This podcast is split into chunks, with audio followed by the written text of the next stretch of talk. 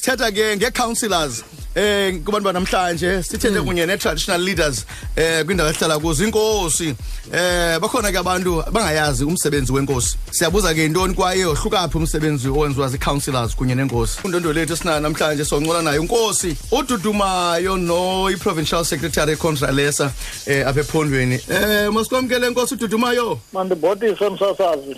Wena abaphulaphuli nkosi kakhulu tata. Ahlele um kwikumkani yalo mmandla enime kuwo. Sikuvile xhoko lam sikwamkele sivumile nathi sonke apha namhlanje. Usowuvile abaphulaphula namhlawumbi umamele na? Izimvo zabaphulaphula sibuza into yobana mhlawumbi indima yenkosi ingaba iqale phi iphele phi ngabapho abantu abanolawulo olululo um kwindawo abahlala kuzo?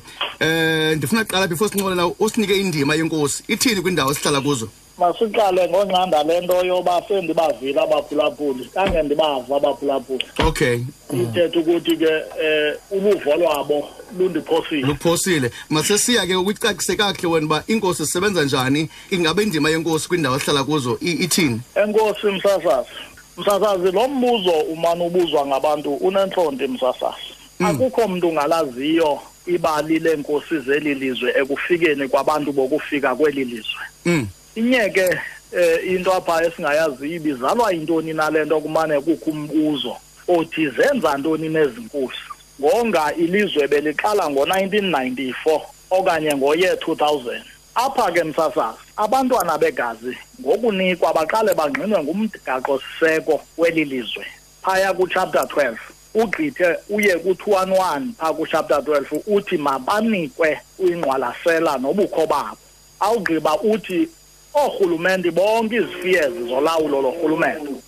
Kuyawunyanzeleka zibanike i-role to play uxanduva amababe bayaluqhuba. Ayilo xanduva lenkosi ke ukuthi kuni um sifuna ukwenza le nto ngokungazifika phezolo. Akukho mntu ungayaziyo into bapha mhla kwafika abantu bokuqala ukufika kweli lizwe bezokwenza urhulumente bafikela kwezi nkosi. Iinkosi ke zinoxanduva lokuqinisekisa kwizizwe. Ezihleli kuzo esinye lunye lamaxanduva kukuqinisekisa into babo bantu bahleli kwezo zizwe bahleli ngoxolo eh kwindawo abahleli kuzo.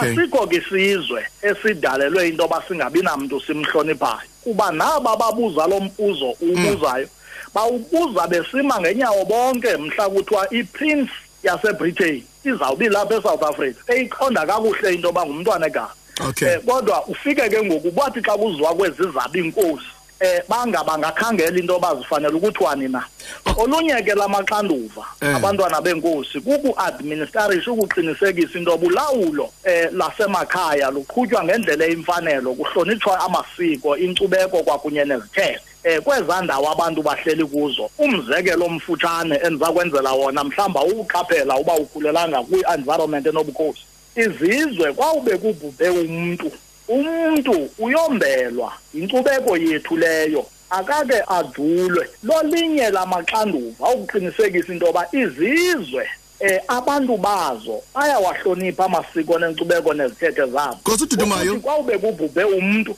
ndenza umzekelo. Eh eh, tata yima ke xhego lam ngenxa yexesha uzobuza omnye umhlambi ingaba lo msebenzi wohluke njani ke ngoku lo msebenzi uchazayo wenkosi kumsebenzi owenziwa zii-councillors? Kungokokuba apha akuzange kwabakho zikhansila ungakungohluki ke kuba eyona nto icommon phakathi kwenkosi noceba. Eh yinto yoba bonke aba bantu bakufutshane kubantu. Umdla wabo uyafana ukusebenzela uluntu kuba xa uyinkosi unoxanduva lokhusela isizwe sakokweni isizwe sibe noxanduva lokhusela wena njengenkosi yazo okay. A- abanye ke bakhala ngento yobana noko inkosi ingathi ulawulo lwazo linayo indawo yoba nesheyi okanye mhlawumbi eh, ujonga uba ungubani naqala I- iinkosi ezi ziphendula kubani zona? Ziakhawunta kubani? Inkosi ngokwesiko lobukhosi ukuba kweso sizwe eh umnombo wobukhosi usuka from elalini uze kwiqumrhu lento kuthiwa yi-traditional council kulwimi lomlungu. Eh uyasuka apho kwawungavana okanye yintloko ephethe lo qumrhu.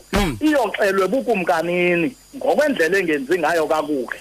Okay all right. Um nkosi dudumayo masibulela kakhulu ke tata ixesha lakho. Siyabulela ingcaciso yakho sinike yona. Ndiyabulela tata umsakazi nkosi kakhulu tata.